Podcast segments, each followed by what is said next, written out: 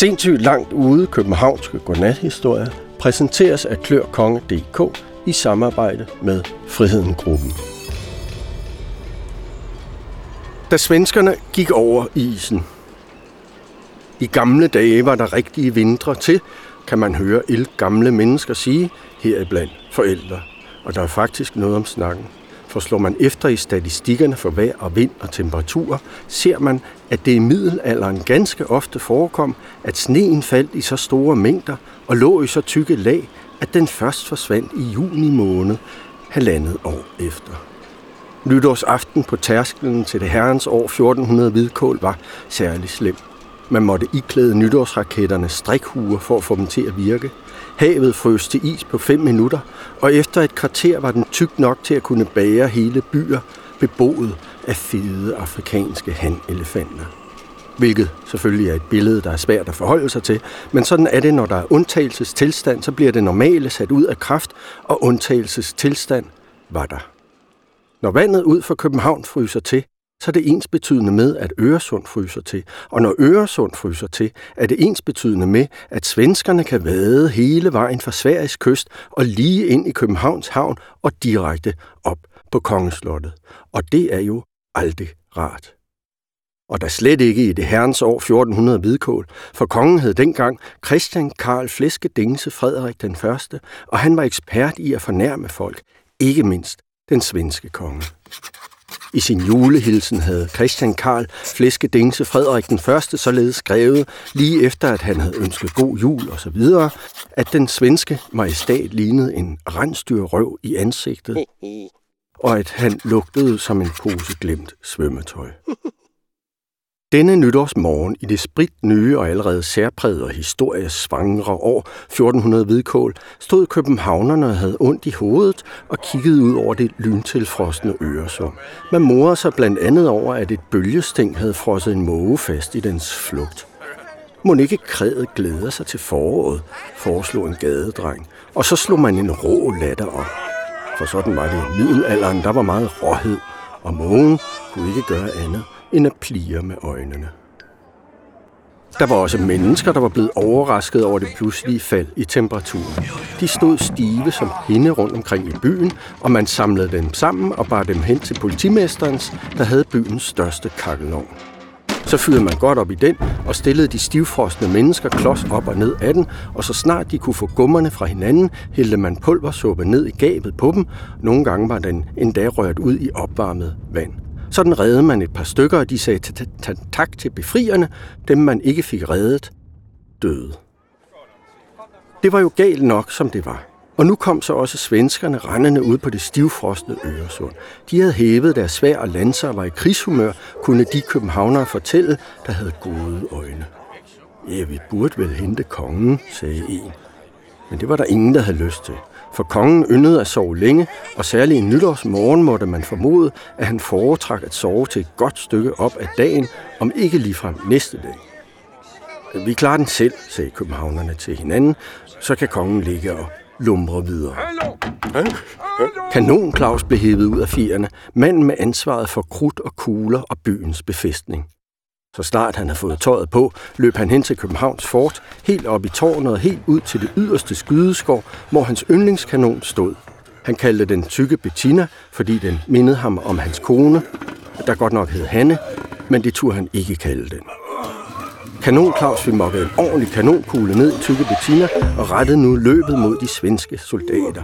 Det var en god taktik, mente han, for selv hvis kanonkuglen ikke ramte nogen af dem, ville den få isen til at krakelere, og så ville svenskerne blive til torskeføde, hvilket, besluttede man, ikke stred mod nogen krigskonvention, indsige dyreværnslov. De kunne jo bare være blevet hjemme.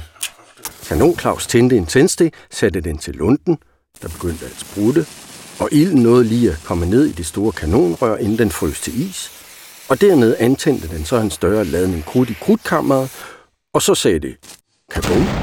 Og afsted sejlede en 200 pund svær og meget sort kanonkugle gennem luften med retning durk mod de svenske soldater. Københavnerne holdt vejret og håbede det bedste. Kanonkuglen landede foran de svenske soldater, men ak, isen var simpelthen for tyk, og kuglen fortsatte at lage 10 svenskere vandret. Men det var jo slet ikke nok. for der nu var i hundredvis af dem. Kanon Claus fik en tårer i øjenkrogen. Han blev altid ked af det, når han havde skudt en af sine kanonkugler afsted, for han holdt så meget af dem alle sammen. Københavnerne samlede sig og holdt rådslagning om, hvad de nu skulle gøre. Købmand Olsen foreslog, at man brugte kogende vand til at lave hul på isen. Det var en god idé, mente man, og man blev også enige om, at det nok hastede, eftersom svenskerne allerede havde passeret midten af Øresund. Og københavnerne gik i gang med at koge vand i alt det, de kunne finde. Gryder, potter, pander, og keramikkedler, elkedler, stålkedler vaskebaljer. Og de fyrede op for kogeblus og storkøkkener, lejrbål og kaminer og pizzaovne. Alt, hvad der kunne koges i og fyres op under, blev taget i brug. Men ak, det var så isnende slæde hundekoldt, at vandet efter 10 minutter stadig lå og var aldeles stivfrosne klumper, og på de samme 10 minutter var svenskerne kommet mindst en halv kilometer tættere på byen. Københavnerne samlede sig igen for at drøfte, hvad de så skulle gøre. Nu kom bageren fra Nørregade på en god idé. Øh, vi skal have fat i et kraftigt øh, kemikalium, sagde han. Man sagde kemikalium dengang, fordi man ikke anede, hvad man snakkede om. Øhm, hvad de dog skulle bruge det til, ville kanonklaus gerne vide. Jo, sagde bageren, et meget kraftigt ætsende fluidum vil kunne få bugt med den tykke is i en fart. Københavnerne nikkede. Jo, det kunne der jo egentlig nok være noget om. Hmm, et ætsende fluidum, sagde kanonklaus, og så drejede han langsomt hovedet og kiggede på købmand Olsen. Øh, her tænker jeg jo umiddelbart på sådan noget som købmandens øh, berømte hjemmelavede brændevin. Og inden købmand Olsen kunne nå at sige hverken bu eller bæ, så var en flok københavner draget afsted for at tømme hans lager af brændevin. Den private ejendomsret måtte vige til fordel for almen vældet, sagde man, og tog så også lige et skvæt undervejs for at styrke sig. Også for bedre at kunne udtale ordet i, ekspropri, i hvert fald. Købmand Olsens berømmelige brændevin var sandt for døden ikke berømt for sin velsmag, men for sin virkning og for sin umiskendelige bismag af reotis. Svenskerne var i mellemtiden kommet uhyggeligt tæt på, og de københavnere, der drog ud på havet for at hælde brændevinen ud på isen, kunne næsten se det hvide i deres øjne. Brændevinen ætsede sig rigtig nok ned gennem Øresunds flere meter tykke stivfrostende lag, men der var for lidt af den. Det var jo dagen efter nytårsaften. Nu var københavnerne snart desperate. Det ene forslag afløste det andet. Men ingen af forslagene var særlig gode. Den eneste, der ikke sagde noget, var købmand Olsen. Han skævede endnu en gang ud mod svenskerne, og så traf han sit tunge valg. Venner, sagde købmanden og løftede armene. Jeg tror, jeg har løsningen. Men det kan blive min ruin, fordi fordi jeg dermed afslører, hvad min berømte brændevin er lavet af. Der gik et sus gennem forsamlingen. Købmand Olsen henvendte sig nu til en af kuskene. Tag din kære og kør ud til Revnlovsgade med det samme. Øh, Revnlovsgade, sagde kusken. Ja vel, og hvad skal jeg der? Du skal, købmand Olsen sank en klump. Du skal hente reven. Øh, reven? Men kusken måbede. Mener købmanden selveste, mener købmanden den rev? Ja, sagde købmand Olsen, jeg tænker på reven. Reven lov. Sig til ham, at jeg sig til ham, at han skal komme. At vi har en nødsituation. Og sig til ham, at, at han bestemmer prisen. Folk stod og stirrede som lamslået. Det var først, da kusken satte gang i sine heste, og kæren knæsende begyndte at køre sted, at det langsomt gik op for dem, hvordan det hele hang sammen. Pludselig havde man fået løst hele to mysterier på én gang. To af Københavns allerstørste mysterier. For det første, hvad købmandens brændevin bestod af. At den hemmelige ingrediens i den brændevin, der smagte af reotis, slet og ret var reotis. For det andet havde man fundet ud af, hvorfor og hvordan der kunne bo en rev i udkanten af København, som var overordentlig velhavende. Reven, Revenlov, solgte simpelthen sit tis for formue.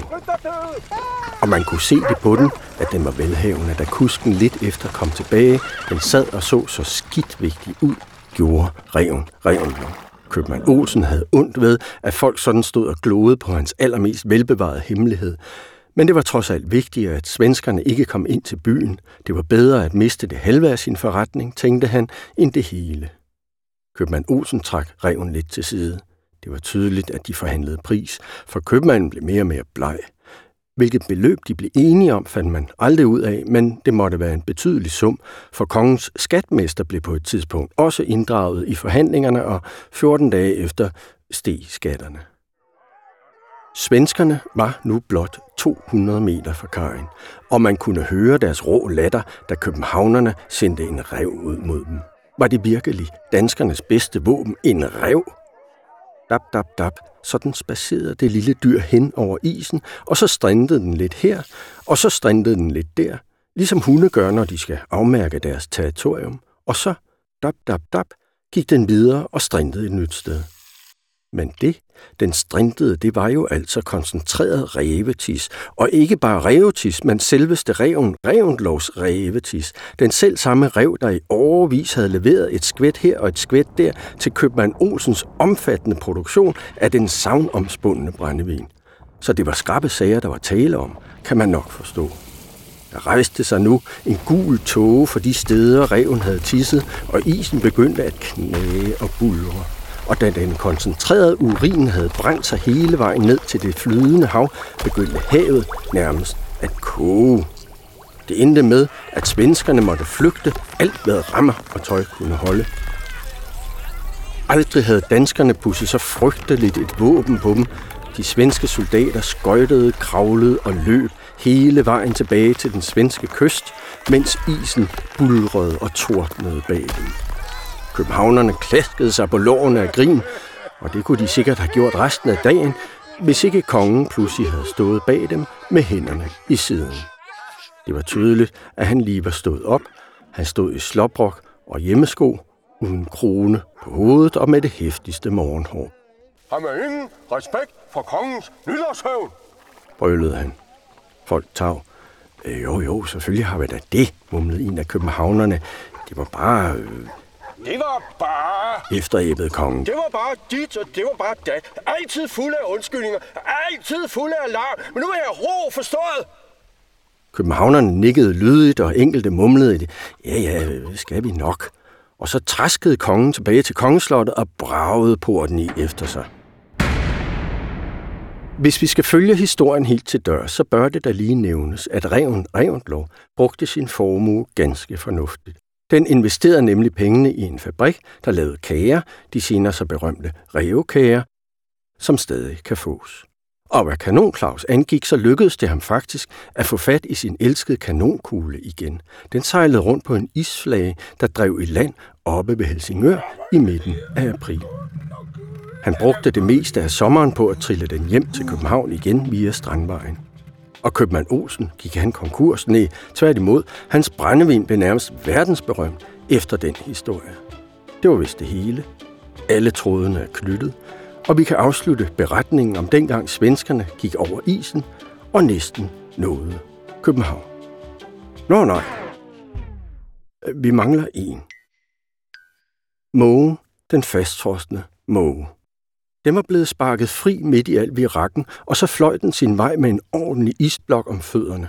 Men den vidste god besked om de københavnske forhold, så den fløj direkte hen og satte sig på taget tæt ved politimesterens skorsten, der jo i disse dage i 1400 hvidkål var byens varmeste sted. Således blev den tøet op og fik i maj måned sit første kul unger med en sød mågekone, der enten hed Birte eller Bitten. Her er kilderne lidt usikre.